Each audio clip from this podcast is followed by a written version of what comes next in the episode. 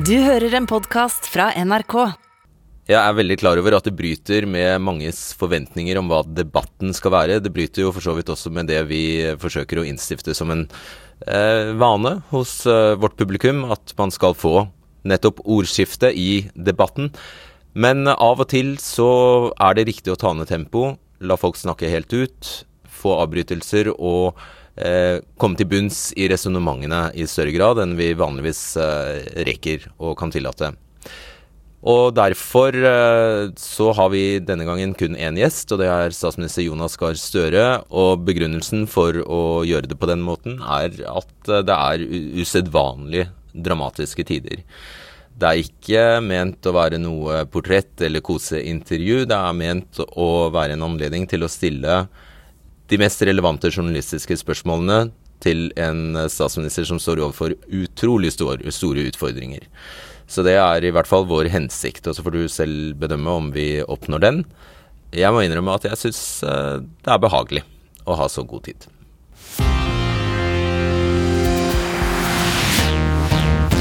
Det er ikke første gang en norsk statsminister må ta alvorlige avgjørelser om militære bidrag i utlandet. Der tror jeg Bondevik og Stoltenberg gjerne vil rekke opp en hånd.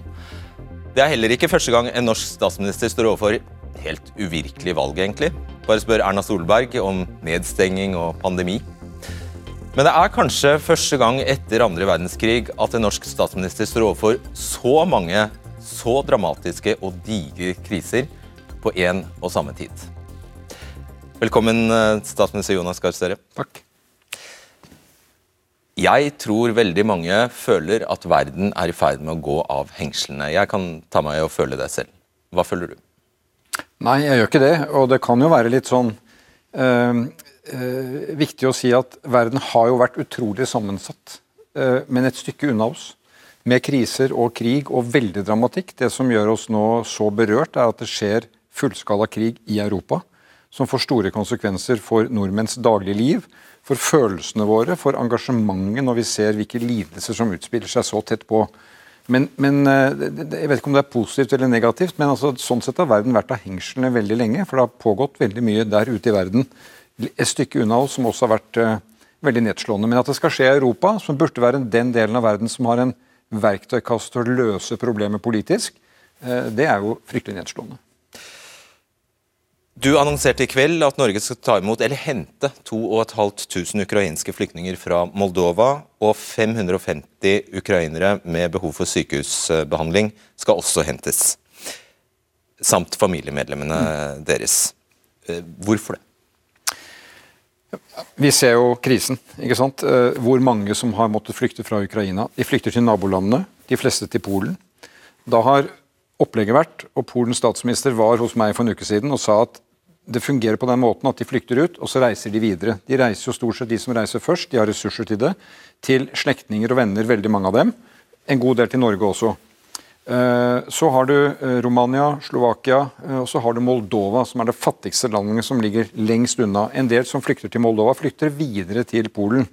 Men Moldova har altså flere titusener på sin jord. Og de har sendt ut en appell der de ber om at det blir hentet eh, flyktninger. Ja, For det er de som har bedt, og ikke ja. EU f.eks.? Nei, som det er helt eh, riktig. står for det. Eh, så det har ikke Polen bedt om, men Moldova har bedt om det. Så vi har vurdert dette. Justisministeren vår, Emilie Enger Mehl, hun har fulgt denne situasjonen, konsultert med andre land. Og det er da nå en del land som sier at vi kan stille opp. Så vi er jo nå da på linje med Tyskland og Frankrike og tar 2500 hver. Eh, og Det betyr at vi må ordne transport, eh, få dem til Norge. FNs høykommissær for flyktninger hjelper til med utvelgelse, som skal skje på en ordnet måte. Det er jo viktig nå at disse flyktningene er utrolig sårbare også når de er kommet ut. For de eh, har jo da ikke noe ramme rundt seg, ikke rettigheter. De kan bli utnyttet. Det er noe vi er urolig for. Men her skal det skje på en ordnet måte, og vi kan bistå Moldova. Det er de 2500. Og så er det en appell innen EU som vi samarbeider med, om helsehjelp. Og Det kan være ukrainere som i og for seg har skader fra krigen, men også de som har helsebehov, vært i behandling, eh, trenger helsehjelp. Og Da har de fantastiske sykehusene vi har, vi har spurt dem hva kan vi bidra med. Og vi har kommet opp med at vi altså 550 eh, eh, kan vi ta imot. Ikke alle på en gang, begynner med 100. og noen slektninger. Det blir da 2700 omtrent til sammen. Som bringer oss da litt over 5000 av de vi aktivt henter. Men så er det jo de som kommer til Norge for egen hjelp eller på annen måte. Slik at tallene kan jo bli eh, høyere. Og det er snakk om en såkalt luftbro? Nei, altså, det er, det, Assosiasjonen er jo at du må reise ned og hente opp. slik ja. at Hvis vi skal hente 2000 Uh, over 2000 fra Moldova til Norge, så må de jo uh, flys inn uh, i flere runder. men det kan vi få til. Det er en, en, transportoperasjon som vi kan organisere. Er dette første skritt? Skal vi hente mange flere? Det har vi ikke tatt stilling til. og som sagt så har ikke det vært metoden. metoden har vært at vi har lagt til rette for at de som kommer, blir raskt tatt imot. Vi er jo i ferd med å gjøre en jeg vil si, enorm operasjon nå. Forberede det. UDI har anslått at det kan bli snakk om 35 000 eh, i år. 30 000 av dem ukrainere. Men vi planlegger jo også for at hva skjer om det kommer enda flere uh, til Norge? Uh, hva, hva, krever det av mottakskapasitet? Hva krever det av kommunene? Hva kommer det til å kreve? Vi så en utrolig vakker reportasje på nyhetssendingen om den gutten som var nå allerede i et bursdagsselskap fordi han var tatt inn og fått mottak. Altså nabolag, idretten, Uh, altså vi blir stilt på prøve nå, og i denne tiden hvor det er så mye solidaritet, så må vi bare hegne om det, for det kan bli tøffere fram. Men her er jo mange utålmodige og, og, vil ha tydeligere svar fra deg. Større Erna Solberg mener at du burde allerede ha en plan om at Norge kunne se for seg 100 000 uh, flyktninger. Jeg har ikke en plan om det, men har, vi har beredskapstenkning for det. Og det, det, betyr at hvis vi, hvis vi, skulle komme dit, og jeg sier at det er ikke dit vi nødvendigvis er på vei, dette vil jo spre seg ut mange steder, men det er så omfattende og så stort dette. Vi er nå oppe i tre millioner flyktninger ut av Ukraina, og krigen pågår fortsatt. Eh, at vi må forestille oss at det kan skje. Og hvis det skjer, så kan ikke vi eh, eh, planlegge utplassering i kommunen slik vi kan i en normal situasjon, hvor vi følger etablerte lover og regler.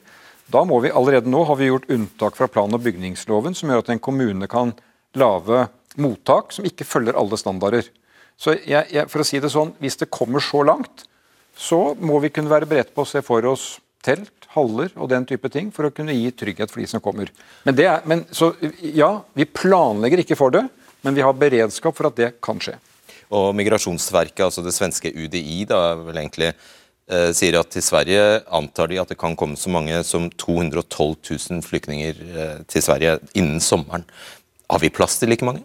Altså, det er ofte sånn vanlig å si at Sverige er dobbelt så stor som Norge. Så når vi nå tenker at det kan være mulig med 100 000, så er vi omtrent i den ligaen. Du vet at Disse flyktningene de reiser jo ofte der hvor de kjenner noen.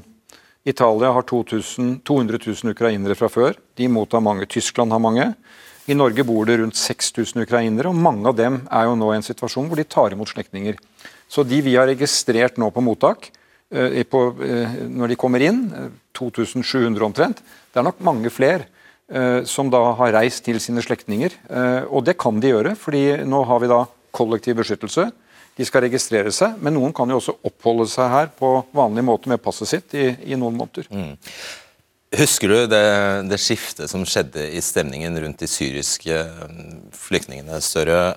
Det gikk fra 'refugees welcome' til en ganske skeptisk holdning generelt i befolkningen. Er du redd for at samme kan skje igjen? Altså jeg tror det er riktig at når det skjer i Europa, nære oss, i noe vi kjenner igjen, så er det et større inntrykk. Men jeg er fullt klar over at det kommer tøffe dager etter dette. Eh, jeg var på eh, dette hotellet på Helsfyr, hvor vi møtte de som kom inn. Eh, gleden av å være i trygghet. Utrolig rørende, den hjelpen de fikk. Mennesker som møttes. Vi ser jo det mange steder. Dette må vi hegne om. Jeg, så jeg vil ikke tegne noe sånn dystert bilde av det, men litt nedi der så kan det jo komme også situasjoner i lokalsamfunn. Vi har jeg tror det er 15 tolker i Norge som kan ukrainsk. Eh, eh, og du skal ha altså skoler, helse og en lang rekke andre ordninger. Vi må improvisere mye. Og det vil jo også være slik at dette kommer til å koste. Og det er sånn også i Norge at når noe kommer inn og begynner å koste, så kan det hende at vi må bruke mindre penger på andre ting når det er krise. Så den stemningen vi har nå, at vi skal stille opp, den håper jeg er på en måte varm og nøktern. Fordi den, den krever Også når det går utover andre områder som får mindre penger, er det det du sier? Jo, men det er jo prioriteringens uh, Hvis du skal hjelpe, så må du rett og slett kunne stille opp på det. Og det kan hende at vi må gjøre det over tid. Jeg håper jo for ukraineres del at de kan reise tilbake igjen til et land i fred. Men når du ser ødeleggelsene, så er det jo hvor lenge de kommer til å være her. Det har vi ikke svar på i dag. Du har sikkert også fått med deg den debatten som har gått kanskje spesielt på sosiale medier, eh, som handler om at Norge er dobbeltmoralsk, Vesten er dobbeltmoralske i sin håndtering av disse flyktningene kontra eh, de som kom i 2015. Og du var jo inne på det helt i åpningen her, at uh, dette sjokket vi nå får om en verden som går av hengslene, det er gammelt nytt for uh, store deler av verden. Er vi det? Er det, er det, en, er det, en, er det et hykleri ute og går? Altså, eh, jeg har erfart i livet eh, som generalsekretær i Røde Kors og som utenriksminister at jeg vet ikke om jeg kaller det dobbeltmoral, men verden er fullt av veldig mange dilemmaer. Altså, jeg har reist i land med utrolig fattigdom, sett flyktningleirer. Eh, kongen av Jordan var i eh, Oslo forrige helg, og jeg hadde et langt møte med han. Jeg har møtt han mange ganger før. Han lever altså med inn på en million flyktninger på sin jord. Og når jeg snakker om at vi har en sikkerhetspolitisk utsatt situasjon i Norge, hva er det han har rundt seg? Så på en måte er alt det relativt. Jeg mener jo menneskeliv og menneskeverdet er eh, unikt og likeverdig. Men jeg vil ikke bebreide nordmenn som i dag ser et land i Europa angrepet av et naboland av Norge. At det opprører dem spesielt og, og gjør dem engasjert til å ville hjelpe. Så la oss nå hegne om at det er positivt. Og så er vi opptatt av at vi fortsatt skal være til stede og hjelpe andre. Men eh, for, for å si det sånn, alle, ingen kan hjelpe alle, men alle kan hjelpe noen. Og nå må vi gjøre en innsats her. La oss snakke om uh, selve krigen. Bare før vi går inn i realitetene, Du har selv to barnebarn, du har snakket om dem. For eksempel, da du, har du fortalt om når dere går, går tur, i, eh, tur, i, naturen, så slår det deg at du må gjøre det du kan for å redde dem fra en klimakrise. Kan du si til dine barnebarn at det blir ikke krig her? Jeg sier det til dem at eh, det eh, skal de ikke være redde for. Eh, jeg skjønner at folk er rolig, ikke bare barnebarn, de, men også mange voksne er urolige. Det får vi jo tilbakemeldinger på. Det skjønner jeg. Det er altså Norges naboland som nå bruker voldsom militær makt mot et annet land, og vi ser ødeleggelsene. Men siden vi snakker om barn, vi må snakke med barna om det. Tonje Brenna og jeg har vært på to skoler nå, på barneskole og videregående, og folk er jo veldig opptatt av det. Kommer litt tilbake til det. Men jeg vil si at vi ikke noen, ser ikke tegn på noen militær trussel mot Norge. Jeg tror det, eh, er, det, står seg, men vi lever i en region og vi har noen nordområder som er av stor sikkerhetspolitisk interesse, og hvor Norge skal følge med og passe på. Derfor så vil jeg i morgen jeg skal til Stortinget, snakke om hvordan vi nå skal uh, passe bedre på. Ha tiltak som gjør at vi kan spille den rollen i, i Nato-alliansen. det vi har sett i Ukraina, Inntil en uke før så sa russisk leder vi har ingen intensjon om å gå til krig. Vi ser jo hele bildet nå at de har de hatt. De har planlagt det over lengre tid. Så Det gjør at vi må ta det på største alvor. Men, ja, men nå tror jeg folk hører to ting. Nå sier du vi må passe bedre på. Ja. Du viser til at ingen ante at uh, han ville finne på noe sånt som å invadere. Men så sier du samtidig slapp av. ja, men, men, jeg sier det ut fra den norske situasjonen. Så sier jeg til min Albert, min seksåring, at uh, det uh, skal du ikke være redd for. Men, så har jeg lyst på, men vi følger med. Det, det vi må si det sånn. Men så vil jeg si en ting. altså Jeg var åtte år under invasjonen i Praha i Tsjekkoslovakia. Jeg kan huske det var den første foreldrene mine snakket om at de var veldig urolige, som jeg fikk med meg. Det slår meg når jeg møter ungdom nå, hvor dypt inntrykk dette gjør på dem. Dette er et veiskille i synet på verden rundt dem. Det er en, det er en definerende hendelse. Eh, jeg, hørte, jeg var på årsmøte i Innlandet Arbeiderparti på lørdag. hørte AUF-lederen der. Hun er 18-19 år, dyktig ung politiker. Jeg kunne jo se på den, den generasjonen ungdomspolitikere hvor enormt sterkt dette er. Så jeg, så jeg vil, vil si at det vi nå opplever, er veldig historisk. Det er veldig alvorlig. Eh, og det vil kreve at vi virkelig tar det inn over oss at eh, på alle områder egentlig så vil det ha stor betydning. Og Hva mener du egentlig vi står overfor her. Tidligere forsvarssjef eh, Sverre Disen skrev en kronikk i Dagens Næringsliv i dag der han skriver at alt som skjer videre her, avhenger av hva motivet til Putin egentlig er. Og så sier han det ene motivet kan være at Putin bare vil sørge for at Ukraina ikke blir en vestligvendt demokratisk samfunn, for da kan Putin risikere plutselig å få Maidan-opprør på Den røde plass. Det vil være et skrekkscenario for han. Det andre motivet er egentlig veldig mye verre. Da, der er Putin ja, stormannsgal. Han drømmer om å gjenreise det russiske imperiet, og da kan man jo egentlig ikke se for seg at Ukraina eh, er enden. Hva tror du? For det første tror jeg det at Nato-medlemskapet beskytter. Jeg tror Natos sikkerhetsgaranti, én for alle og alle for én, USA er inne i dette, det gir beskyttelse. Jeg tror at Hvis vi passer på med det, vi sørger for at de eh, av våre allierte som er nærmest og mest urolige, de er vi til stede for. Nato er en forsvarsallianse, har ikke offensive ambisjoner. Så gir det eh, sikkerhet. Jeg tror Av de to bildene du tegner, så tror jeg det er det første som er i nærheten av noe som er riktig. Men jeg tror at Putin og hans beslutningsprosess har feilbedømt opptrappingen til dette og gjennomføringen av det. Jeg tror det er frykten for det vestvendte Ukraina som ligger i bunn, hvis vi bruker de ordene. Det er eh, et regime Putin har bygget opp som har ingen eh, tiltrekningskraft på noen. Eh, de har ikke lykkes med å skape det. Og Ukraina, som er så nært beslektet kulturelt med Russland, vender ansiktet en annen vei. Og Selv om han har tatt Krim, selv om han gikk inn i østdelen av Ukraina og har presset på, jo mer han gjør det, jo mer vender de seg en annen vei. Og Så tror jeg han har tenkt at hvis jeg mobiliserer 150 000 soldater og tanks og fly på grensen, og jeg sier at nå gjør jeg noe, så faller de sammen. Det er feilanalysen. Eh, for det skjer ikke. Eh, og det er, da, det er jo da nå vi kan på en måte si at ukrainske folk blør en kamp også for oss, ved at de, at de sier stopp. Nei, de, de, de, gjør motstand. Og Da eh, er jo jeg også urolig for den andre delen, at hva vil skje med Russland? Hvor er Russland på vei? Jeg, jeg tror ikke nødvendigvis uh, som en nødvendigvis som en stor militær trussel, vi kan ikke utelukke det, derfor er Nato så viktig. Men, men et Russland som uh, vakler, det er heller ikke et, et godt tegn for Europa. Med dårlig selvbilde? Ja, og ikke minst ydmykhet. Altså ydmyket. Altså det, er jo, det er en mann som har spilt på ydmykelsen, og det er i historien et veldig farlig tegn og ledere. Og det, det kan være attraktivt i politikken.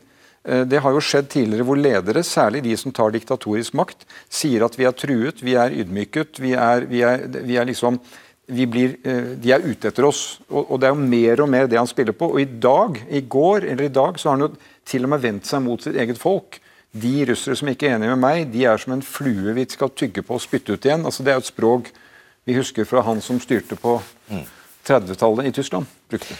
Uh, husker du at du tweetet i 2014 eh, i forbindelse med annekteringen av Krim uh, klokt at flertallet i Nato sto imot Bush i 2008 og ikke tok Ukraina inn i Nato. Tenker du fortsatt det samme?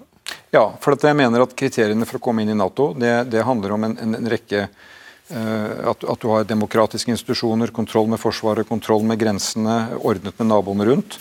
Eh, og Ukraina i 2008, da Bush plutselig fikk det for seg at Ukraina og Georgia skulle inn i Nato, var ikke der. Eh, og det mener jeg hadde vært en, en stor feil å gjøre. Hadde ikke det ført til at det ikke regnet bomber over Ukraina i dag? Nei, jeg, jeg, det som skjedde uh, umiddelbart etter det møtet hvor man vedtok uh, en, veldig rar formulering hvor det sto at Ukraina og Georgia skal bli medlemmer av Nato. Så gikk det fire-fem måneder, så gikk jo Putin uh, til Markerte seg med den korte krigen som han hadde med, med Georgia. Men, men nå er vi der vi er, og vi er kanskje over på det du er også har vært opptatt av eh, skal vi bistå Ukraina på noen måte i den kampen de kjemper, og det mener jeg vi skal. Ja. Bare før vi kommer dit, eh, Jeg vet du har hatt et ekstra godt forhold til utenriksminister Sergej eh, Lavrov. En av de utenriksministrene jeg har skjønt du har hatt best forhold til.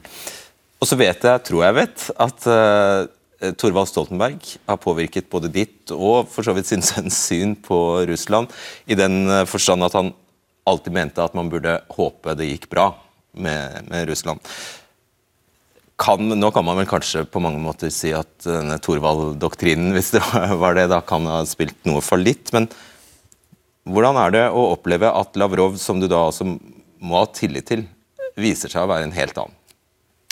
Så det er jo, vi, vi, det er jo det samme Russland, og samtidig så er det liksom to ulike Russland. De vi hadde fra 2005 til 2010-2011, da jeg hadde veldig mye med han å gjøre. Vi forhandlet delelinjen i Barentshavet det var jo et, eh, et Russland som, hvor vi kunne utvikle mye samarbeid, veldig mye samarbeid i nord. Og Man kan nesten tenke at det er et annet regime med de samme folkene, eh, som vi ser nå. Og jeg mener jo at Det er jo det president Putins eh, beslagleggelse av makten og diktatoriske trekk har trukket dette regimet den veien. og Da er han en lydig tjener. Ja, Hva slags feiging er han da? Nei, altså Jeg syns det er vanskelig å bedømme. Folk står oppe i vanskelige moralske situasjoner. Men jeg husker én ting. Dagen før vi eh, sto fram med delelinjeavtalen, som ingen trodde kunne komme, så hadde Lavrov og jeg en oppsummering hvorfor har vi fått den avtalen. Hvorfor lykkes vi nå etter 40 år? Og Da sa vi at det var tre årsaker. Punkt én, begge land har interesse av en avtale. Må vi begynne der. Punkt to, begge land har stabilitet til å inngå en avtale. Og i de forhandlingene når vi forhandlet med Russland, så var det jo ofte slik at forhandlingene pågikk like mye på russisk side som på vår. Og vi måtte jobbe med å prøve å få noe som vi, vi ble enige om. Men, men det, det, fikk vi til. Og, og, i og for seg president Medvedev, som det var da, eh, og Lavrov, de bidro til at man nærmet seg en, en, en forhandlet løsning. Og det tredje, det var at det var tillit mellom de som forhandlet. Og han og jeg hadde jo tillit på det profesjonelle området. Og jeg har jo sagt at Fra 2005 til 2009, så nest etter den svenske utenriksminister, som en nordmann møter mye, så var han den jeg møtte oftest. Så jeg møtte han jo nå rett etter jeg ble statsminister òg. Han var innom i Oslo. Jeg, jeg syns det er veldig sørgelig, for det er jo helt åpenbart at han har knyttet seg opp til en, til en ferd som eh, Putin tar ham på. Og den kommer ikke til å ende bra. Han blir brukt? Ja, men hvor snittet går mellom å bli brukt ja, og la seg bruke, det, det er ikke godt si. å si. Hva er det vi driver med nå overfor Russland? Er det økonomisk krigføring? Nei, men det er eh, jo signaler gjennom lang tid at hvis dere skulle finne på å bruke denne militære makten mot et annet land, så blir det kraftfulle reaksjoner. Og det ble ikke krig fra Natos side. Man svarte ikke på angrepet på Ukraina med krig. Jeg skjønner mange kan utfordre at det er et moralsk dilemma. Og når Zelinskyj nå ber om at vi skal beskytte luftrommet, så ville det bety at eh, Nato måtte gå til krig da, og møte Russland på slagmarken. Det mener jeg ville være uansvarlig å gjøre. Men jeg må bare spørre, Hva er målet her? skal, vi, skal, Russland bli en pariastat på linje med Nord-Korea, eller hva er målet? Altså, Hvorvidt det er det president Putin nå bedriver dag for dag og definerer seg selv som, det får vi, får vi se. Men reaksjonen har vært å si at denne type overgrep er så uhyrlig og så kraftfull at vi reagerer med brede tiltak. Eh, og Norge, som er naboland, og vi får kjenne effekten av de tiltakene. Vi, nå er vi opptatt av å kunne bistå uh, de nordligste delene av Norge, så ikke de blir uh, for skadelidende av det. Uh, vi, vi, må vise og markere at det har en konsekvens. Så i, i morgen vedtar regjeringen sanksjoner som speiler det våre nordiske og europeiske partnere har gjort. Er det Norges mål at Ukraina skal nedkjempe de russiske styrkene militært? Altså, vårt mål er at det må bli slutt på krigføringen. Ja på den ja? Nei, jeg kan ikke være i en sånn dommeravgjørelse som i en sportskamp. Altså Målet må være at det blir slutt på krigføringen, at det blir en politisk enighet om å få de mest sårbare ut. Og så må det bli veien mot en, en, en eller annen politisk eh, løsning. Og eh, Nå har det vart i tre uker. Eh, det er jo da veldig lang tid. I historisk perspektiv så kan sånne kriger vare eh, ganske lenge, og men, lengre. Men hele formålet med å sende våpen, M72-er, til Ukraina må jo være at vi ønsker de skal vinne militært? Ja, Iallfall ønsker at et, et, et, folk som står opp for å forsvare seg selv, og som får pansrede kjøretøy som kjører inn i byer, skal kunne forsvare seg. Det handler om selvforsvar. Eh, og da hadde vi jo en grundig debatt, vanskelig debatt, som gjorde at Norge for første gang kom til det at vi skulle eh, bidra med militært utstyr og også våpen. Tror en, hva, tro, hva, tror du? Kommer dette til å ende militært eller diplomatisk? Jeg tror det kommer til å ende diplomatisk, men etter uh, altfor mye militært. Eh, vi skal se på et bilde her, Støre. Det er tatt 22.2 eh, i år, etter en lang dag med møter i Brussel. Du var der eh, sammen med journalistkolleger av meg her i baren på hotell Sofitel. Eh, det ser ut som det har vært en lang dag for mange her. Det, ditt program i Brussel det handlet om Du, du traff eh, òg statsrådene dine. Dere traff eh, en rekke viktige personer i, i Brussel. Men det som egentlig foregikk den samme dagen, samme kvelden og dagen etter, var faktisk forhandlinger i EUs ministerråd mellom utenriksministrene om de sanksjonene som Norge etter hvert dilter etter og innfører. Burde ikke du, i stedet for å sitte til og Jeg bruker dette bildet, jeg er klar over jeg misbruker det sikkert også litt, fordi det er jo ikke et bilde på at du sitter på gangen. Det er tatt i en annen sammenheng, men det er likevel så Det var fristende. Jeg, tok, jeg hadde bare én øl. Ja, Det er også betryggende. Ja, det var et pressetreff. Men samtidig så illustrerer det at Norge sitter på gangen. Og når det er så viktig, når vi da Vi blir jo berørt av sanksjonene. Russland tar igjen mot oss, og så er ikke du der inne og kan vedta de sanksjonene og si denne, denne, sanksjonen er smart, den er ikke så lur, for da får vi det tilbake. Du har, du har ingen stemme. Vi har ingen stemme. Hva er det du spør om? Ja, det er jo Kan det være sånn? Ja, altså eh, Du vet hva jeg mener om det spørsmålet. Eh, jeg var for at vi skulle være ved det bordet, men Norge stemte nei. Og så har vi da i de årene som har gått siden, innrettet vårt forhold Europa på det. Vekslende regjeringen har det som grunnlag. Vi er ikke medlem av EU. Men vi har fått til et nært samarbeid med dem og på god norsk maner gjort det vi kan for å sikre oss deltakelse. Vi er ikke med. Vi, er ikke, vi kan ta våre egne avgjørelser. Og når det gjelder sanksjonene, så tar vi disse EU bestemmer ikke at vi tar de sanksjonene. Men, men, jeg, men vi har ønsket, regjeringen har ønsket at vi skal være med uh, og reagere. og da har vi men du tør heller ikke å innføre helt egne sanksjoner? Nei, men blå, blåkopierer EUs? Nei, men nå skal du høre. Vi har fire valg. Det ene er å innføre egne norske sanksjoner. Det er uklokt. Fordi det har liten effekt å gjøre noe alene for et lite land. Vi kan gå med Storbritannia, som jo uh, tar sine egne vedtak, men de har tilnærminger til dette som ikke vi nødvendigvis fullt ut deler. Vi kan gå med USA alene. Litt sånn rart, uh, ubalansert fellesskap. Vi går med våre nordiske og europeiske partnere. De vi handler mest med, de vi har EØS-avtale med. Og så vil Jeg jo si at jeg, jeg, jeg, så sliten ut den dagen, men når jeg var da i Brussel Jeg fikk jo møte med alle EU-toppene, og de ville møte med meg. Og Det er jo fordi at Norge er en pålitelig partner. Eh, de er veldig opptatt av oss nå pga. energi. De er opptatt av oss pga. geografi. De er opptatt av oss fordi at vi er med og spiller en viktig rolle i forhold til forsvaret av Europa. Vi kan en god del ting om Russland som, som, ikke andre kan. Jo, men Det er jo dette vi må da uh, uh, bruke eh, for å eh, ivareta norske interesser. Og eh, Justisminister eh, Emilie Enger Mehl hun har kontakt med sine justisministerkolleger i Europa. Og det er riktig å gjøre. Men vi er, men vi er ikke medlem. Nei, men, men sånn er det. Og jeg er vant til å prøve å gjøre det beste ut av ting i livet, også, som, også her. Du, du vil altså ikke gjøre noe med denne håpløse situasjonen? Altså, vi er, med, altså, vi er bare ikke til stede når eh, EU vedtar sanksjoner som vi ender med å kopiere. På så, altså, Noe så viktig? Jo, men poenget at her, Sikkerhet altså, det ja. Hele EØS-avtalen kan jo noen kritisere for at EU eh, e vedtar ting som vi overtar. Men her vedtar vi dette selv. Det er jo, det er, det er jo ett av de vedtakene de har tatt, nemlig at de skal uh, forby spredning av noen russiske medier. Det gjennomfører ikke vi uh, på dag én. For det mener jeg er et prinsipielt spørsmål i forhold til ytringsfriheten som jeg vil vurdere nærmere før vi, vi vurderer et annet forhold. Norge er en kystnasjon. Eh, vi har søk- og redningssamarbeid med Russland i nord. Vi har fiskerisamarbeid med Russland i nord. Jeg vil ikke vedta noen regler fordi at de har gjort det i EU som setter slike viktige verdier og interesser i spill. Så vi, vi tenker selv, og vi handler selv. Pandemi, altså, pandemien har vist oss at vi, er, vi, kobler oss på EUs vaksinesamarbeid. Vi eh, ser at eh, tankene i Europa om et forsvarssamarbeid er gjenopplivet eh, etter, etter Ukraina-invasjonen. Vi ser at EU har svart kollektivt mot uh, Russland. Uh, nå er det denne byrdefordelingen for flyktninger det er snakk om, som EU står for. Vi er en del av kraftutvekslingssystemet i EU, som vi har snakket så mye om. Vi er en del av klimamålene deres, og vi er del av samme kvotesystem som, som EU. Likevel, Støre, så er altså det å få regjeringsmakt må jo være viktigere enn alt, hele denne lista, eh, lista, her, fordi du har gått med på å utrede vårt forhold til EØS. Er det, er det virkelig tid og sted? Ja, men eh, altså, Vi har i vår regjeringsplattform som vi la fram i oktober, sagt at vi vil gå gjennom erfaringer med EØS-avtalen etter ti nye år ja. siden vi sist forsket. Ja, Det er veldig viktig.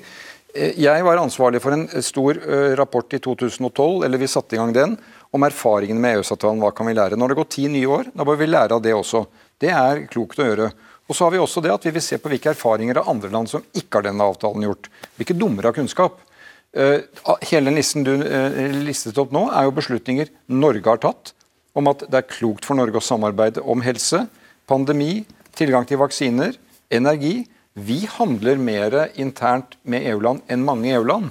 Eh, og Så får du trekke den eh, konklusjonen du vil av det. Om jeg skulle frasi meg regjeringsmakt nå, om Erna Solberg hadde gjort det sist, fordi vi sa at da kan vi heller være med der. Det er ikke sånn det fungerer. Jeg bare antyder at Hvis den debatten noen gang skal gjenopplives, så må den trekkes opp av deg som leder av Arbeiderpartiet, fordi det er tvers gjennom ditt parti at den kløfta går. Hvis du ser hvordan jeg bruker tiden nå, når vi står midt i en krig i Europa, vi ivaretar norske interesser, vi gjør det veldig tett samarbeid med Norden og EU, det store spørsmålet er jo nå hva skal våre nordiske naboland gjøre for å ivareta sin sikkerhet. Så er ikke det spørsmålet nå det viktigste. Kan det bli det igjen eh, i, i tiden som kommer? Det vil jeg ikke utelukke. Det er et voksende krav i den norske befolkningen om, om at også eh, bilistene må få en krisepakke. Eh, at du må gripe inn og gjøre noe direkte med pumpeprisen. Hvordan vil du møte et gryende bensinopprør? La meg begynne i den enden at det, det, det kan ikke bli slik at når noe går opp, så skal staten komme og ta det ned. Eller hvis noe går ned, så skal staten komme og løfte det opp hele tiden. Altså denne kompensasjonstankegangen. Vi gjorde det i korona, møtet med korona. Regjeringen Solberg foreslo, Stortinget jobbet med det. For da innførte staten tiltak som traff økonomien, traff arbeidstakere, permitterte folk. Og de kompensasjonene de var ganske omfattende, men de var vellykkede. Vi fikk flere fort tilbake i arbeid, økonomien fort i gang, begrenset skadevirkningene. Men ellers så tror jeg bare min, Og så gjorde du det på strøm. Jo, men den grunnleggende holdning er at vi, du og jeg som forbrukere, og ikke minst næringslivet, vi må planlegge ut fra at ting, priser går opp og ned. Det, tror jeg, det må ligge i bunnen. Skjer det noe ekstraordinært, så må vi være klare til å handle. Det skjedde med strøm. Og det skjedde på et område hvor det var knyttet til Ukraina, men altså gassprisene. Vi bruker ikke gass i Norge, men gassprisene påvirker elektrisitetsprisene i Europa. De ble tidoblet på ett år. Det har aldri hendt før. Altså, de går rett gjennom taket. Og uh, strømbrukerne uh, her i sør, jeg tror nå i dag er det på 1,78 for kilowattimen. I nord er det under 20 øre. Så det er så kraftfullt her i nord at da har vi tatt tiltak. I sør da har vi tatt tiltak. Som da tar en del av regningen din. Men uh, når det gjelder drivstoffpriser, du spør om det, de svinger. Uh, ja, men Du brukte ordet ekstraordinært. altså. De prisene vi ser på mm, pumpe, altså, Nei, men altså, nå, nei, er, er, jo ekstraordinært. Nei, men nå har jo de, altså, nå har de, de var oppe, og så er de gått ned igjen. Oljeprisen var på 130 dollar fatet, nå er den rundt på 100, og det handles nå på lang sikt på litt under det. Dette må vi følge og se an. Så jeg har ikke noe signal uh, om det nå. Og som jeg sier igjen, uh, dette uh, Det er tre ting nå, for hovedkategori som blir dyrere i samfunn. Det er mat. Eh, eh, det er også knyttet til eh, Ukraina, er jo matfatet i Europa. Hveteprisene er økt nesten 100% siden januar. Mye større krise for Afrika enn det er for oss, men det, det skjer. Men der matpriser går opp, strømpriser går veldig opp, det har vi gjort noe med, og drivstoffpriser. Men vi kan ikke si at for alt som går opp, så kommer vi inn med kompensasjon, men vi følger med på det. Eh, og hvis det er eh, Hva betyr det å følge med? Nei, Det er jo det at vi følger med på hva som skjer fra dag til dag. Nå har de gått ned de siste dagene. Eh, det er for tidlig til å skulle komme med noe sånn tiltak på det. Så det får vi forholde oss til. Drivstoffutgiftene for en vanlig norsk familie er mer håndterlige enn strømprisene slik de har utviklet seg. Men vi følger med. Du følger med. Nå avtegner det seg jo på en måte to rådende oppfatninger av hvordan man skal ja, hvordan dere politikere bør angripe disse galopperende prisene som følge av krig og uro, og egentlig for så vidt også pandemi, fordi det handler om pengetrykking og greier. Eh, en leir sogner til krisepakker à la strømpakken, at, at, man, at en regjering som din bør gripe direkte inn. En annen leir sier at det er veldig dumt uh, å gjøre, fordi da sitter sentralbanken klar til å til å heve renta med en gang. Eh, og De sier også at eh, det er veldig vanskelig å taue tilbake noe du først har gitt ut. Vil du tenke høyt? Ja, jeg gjør det. Altså, eh, Den første leiren har jeg jo forståelse for når det gjelder at ekstraordinære situasjoner. Da stiller vi opp, sånn som på strøm. Det mener jeg har truffet økonomien til familier tvers igjennom. Og for de som sitter i en vanskelig situasjon. Jeg har besøkt mange nok av dem som får strømregninger som virkelig øker, tar av familiebudsjettet og, og, setter dem i en veldig utsatt situasjon. Der har vi virkelig eh, stilt opp. Men den andre eh, skolen som du peker på, den har også veldig gode poenger. Og La meg ta et lite resonnement. Til tross for at vi nå er i en krise, så går norsk økonomi veldig godt.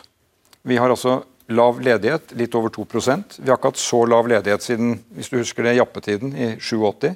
Heldigvis. Bare svakt minne. Ja, jeg kan huske det. Og Da var det noe som gikk veldig feil. Og rett før finanskrisen i 2008. Og Da sier eh, økonomene de sier at da må vi passe på. For hvis den økonomien blir overopphetet Nå er det altså flere mangler på jobber, eh, at man trenger folk, enn det er ledige der ute. Vi vil få flere ledige inn i arbeid, men det er alle tegnene på at økonomien er veldig varm. Og Hvis vi da på en måte pusher på mer penger inn, så kan den bli overopphetet. og Da får vi alvorlige konsekvenser. Da går renta veldig opp. Når Norges Bank de har ansvar for å passe på prisstigningen, skal ligge på et nivå på sånn rundt litt over 2% De har varslet at de nå vil øke rentene tre ganger i løpet av året som kommer. Sånn gradvis. Hvis vi ikke er varsomme nå, så kommer de til å kunne øke den enda mer. Og da, for en vanlig norsk familie med vanlig inntekt og vanlig gjeld, så det en, kan det bli en smell på over 30 000 kroner. Og Jeg hørte uh, nestlederen i Venstre i dag si at uh, staten skulle nå inn og kompensere for økte renter.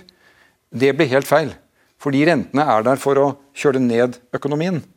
Og hvis vi skal kompensere for det, så varmer vi den jo opp igjen. og Det er det motsatte av det vi trenger å gjøre. Og Det kan godt hende at du, du har rett, eh, rett, i det, eller at økonomene For jeg hører også at de fleste økonomene sogner vel til leir to, da. Altså den siste her om at, om at rentespøkelset uh, tynger. Og det kan godt hende det er riktig. Men likevel, vi hadde Pauline her uh, på besøk på tirsdag, som, som fikk et digert innhogg Altså drivstoffprisene. Jo, alenemor. Drivstoffprisene gjorde et kjempeinnhogg i hennes økonomi. og hun så det er jo Hva er liksom svaret til, eh, Nei, til altså, henne og til nå de si at vi har, gjort, med disse prisene? vi har gjort mye for at økonomien hennes skal bli bedre. Det er hun som får skattekuttene, ikke jeg. Eh, det blir rimeligere barnehager, rimeligere SFO, rimeligere å pendle. Mange slike grep som gjør økonomien bedre for folk som har middels og lavere inntekter.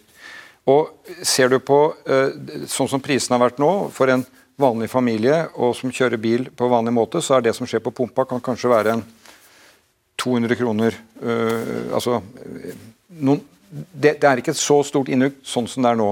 Men jeg sier vi følger med på det.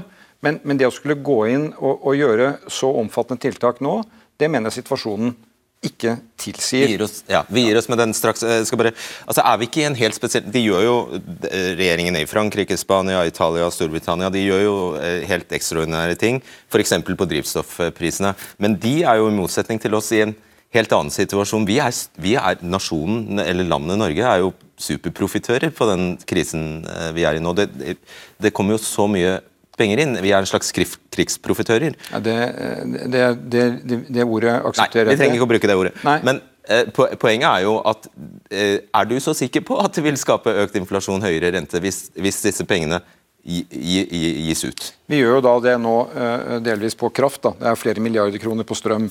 Og i, i, Norge så varmer vi jo husene våre på strøm. Det gjør de ikke i andre land stort sett. Men du må huske på totalregnskapet. Inntektene som kommer fra denne sektoren, og denne flotte teknologien vi har, den går inn i fondet vårt.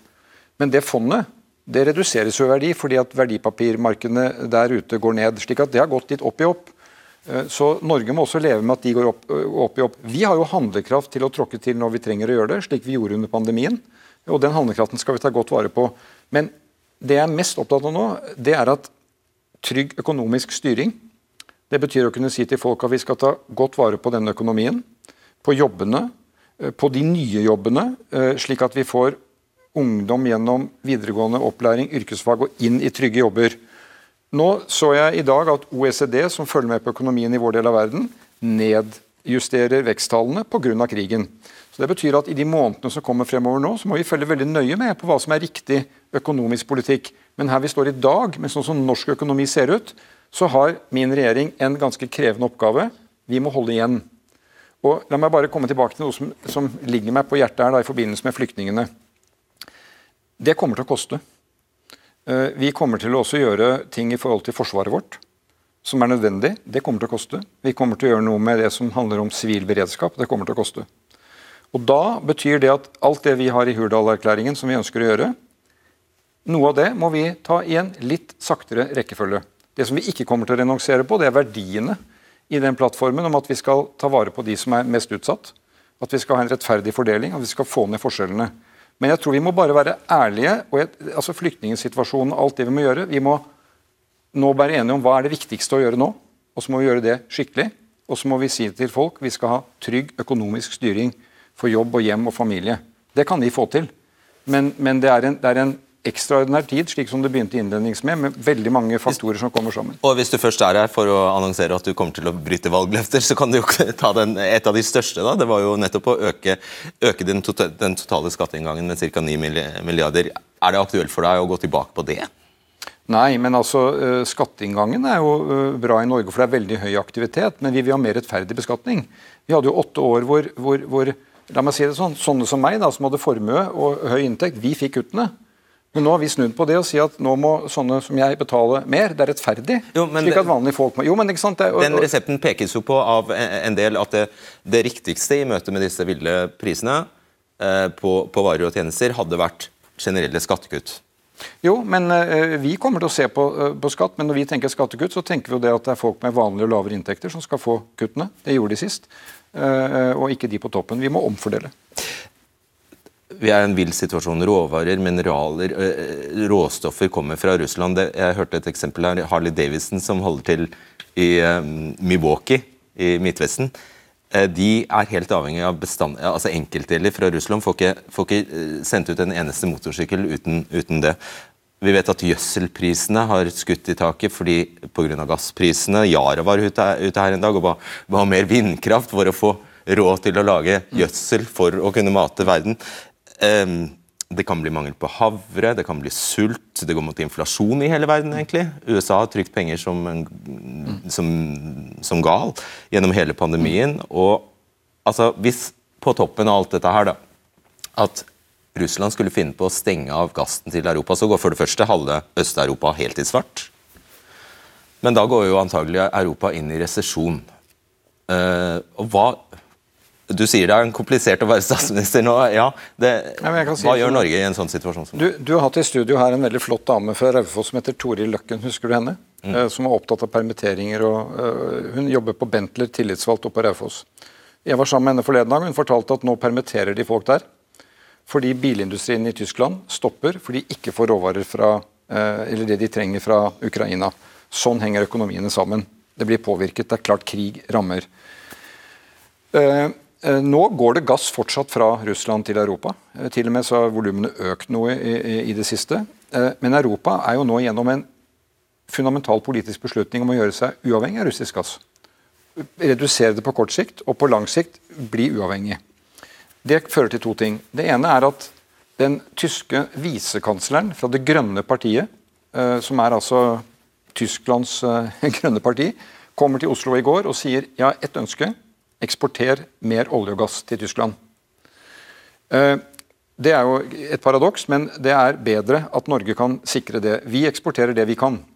Eh, og vi får nå også LNG med skip fra Hammerfest nå i, som er flytende gass. flytende gass på skip, som også kommer til å uh, gå til Europa. Men det som er interessant, det er at det de må få til for å gjøre seg uavhengig, det er å sikre at de får gass fra Norge, men det er å få mye mer fornybar kraft.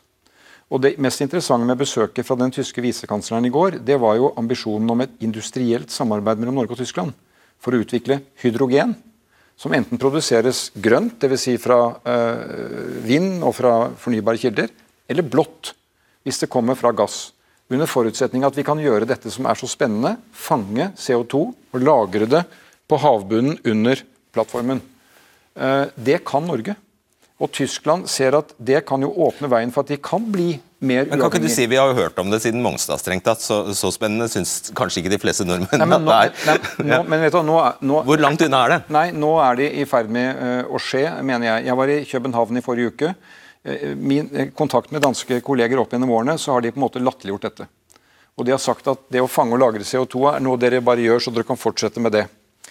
Men nå, de siste tre årene så har jo Danmark sett at hvis de skal få ned utslippene av CO2 fra sine avfallsanlegg, det er et svært utenfor København, så må de gjøre dette. Så Europa er nødt til å bygge en infrastruktur for å ta CO2 ut av uh, industriproduksjon. Få det ø, ut og få det sikkert ned på havbunnen. Vi har jo vist i 30 år at vi kan dette. Det lekker ikke. Så, så jeg, jeg, tror i hvert fall midt oppi det hele så er dette et, et tegn som er spennende. De akselererer utviklingen mot fornybar. Det er nødvendig for å få ned utslippene. Det gir Norge en stor mulighet for å samarbeide for industri, for verkstedsindustrien vår, leverandørindustrien vår, for de fantastiske folkene som jobber der.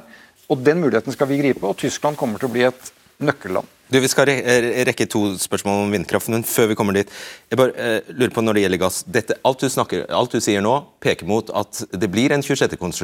konsesjonsrunde som, som, det ble stopp på i budsjettavtalen med SV. Men nå regner jeg med det er full pupp? Full pupp med gass? Eh, det blir en beslutning vi skal ta til neste år. Eh, vi, tar ikke det i år, men vi lyser ut eh, andeler på, som er knyttet opp til de feltene som er der ute allerede. Så Vår regjeringsplattform sier at vi skal ha et høyt aktivitetsnivå på norsk sokkel. Men med økt innslag av nye næringer, som havvind, som vi nå er i gang med. Og la meg si en ting, Vi var ute med havvind for en tre-fire uker siden. Det der kommer vi til å, å trenge å akselerere, trappe opp. Fordi at det er no, også noe som hele Europa jobber med, å bygge dette havvindnettet rundt Nordsjøen, som er spennende for vår industri og våre arbeidsplasser. Ja, og så la oss inn vi er innom havvind. Du har egentlig stått i dette studioet og sagt det, men, uh, sagt det tidligere, men du skal få si det i klartekst nå. Vil det bli behov vil, vil, Du vil ha omkamp om vindkraft til, eh, til, lands? Du vil ha flere vindturbiner til lands? Jeg vil ikke ha omkamp, for at eh, måten dette ble gjort på før, hadde betydelige svakheter. Men jeg ønsker å ha dialog med de kommunene som kan tenke seg å bygge vindkraft. Og sørge for at de får en avgjørende beslutning på hvordan det skal skje. At de får igjen noe av verdiskapningen. Og at det som blir bestemt bygget, er det som bygges. Noe av protestene her er jo det at det som ble bygget, ble etter noen år endret, og så ble det enda større og annerledes. Stort sett utenlandsk industri, og folk følte de ikke de fikk igjen på det lokalt. Dette er den raskeste veien til å skaffe kraft i Norge. 10% av kraften vår kommer fra vindkraft. Jeg vet om alle konfliktene, og det, det, det ble styrt feil. Eh, men eh, vi kommer til å trenge mer vindkraft fra vind på land, mer vindkraft på vind på havet, og tro meg rett solkraft. Solkraft i Norge eh, har sterkt fallende pris og er en stor ny energimulighet for oss. Det er hyggelig å slutte med sola. Ja, det var hyggelig. Så mye sol som det er i Norge. Nei da. Tusen takk for at du kom, Jonas Gahr Støre. Og hvis verden står til påske, så er vi tilbake på tirsdag. På gjensyn. Jeg er litt spent på hvordan denne debatten kommer til å bli mottatt. Fordi jeg, jeg har vel følelsen av at uh, det når et litt uh, eldre publikum, uh, muligens. Det er i hvert fall min fordom og mistanke. Tre kvarter med én gjest, ja det er et godt stykke å fordøye og akseptere. Men samtidig så syns jeg personlig at innholdet her er så interessant. Det er uh, at det forsvarer uh, den tiden og den plassen. Og jeg lover, vi skal ikke gjøre det til en fast vane å invitere bare én gjest. Vi skal leve opp til navnet vårt, som vi vanligvis gjør, men denne gangen syns vi det var på sin plass med et unntak. Så jeg håper du likte det. og så er vi helt sikkert tilbake i en mer vant tralt til uka. Takk for at du hører på. Vi høres. Du har hørt en podkast fra NRK. De nyeste episodene hører du først i appen NRK Radio.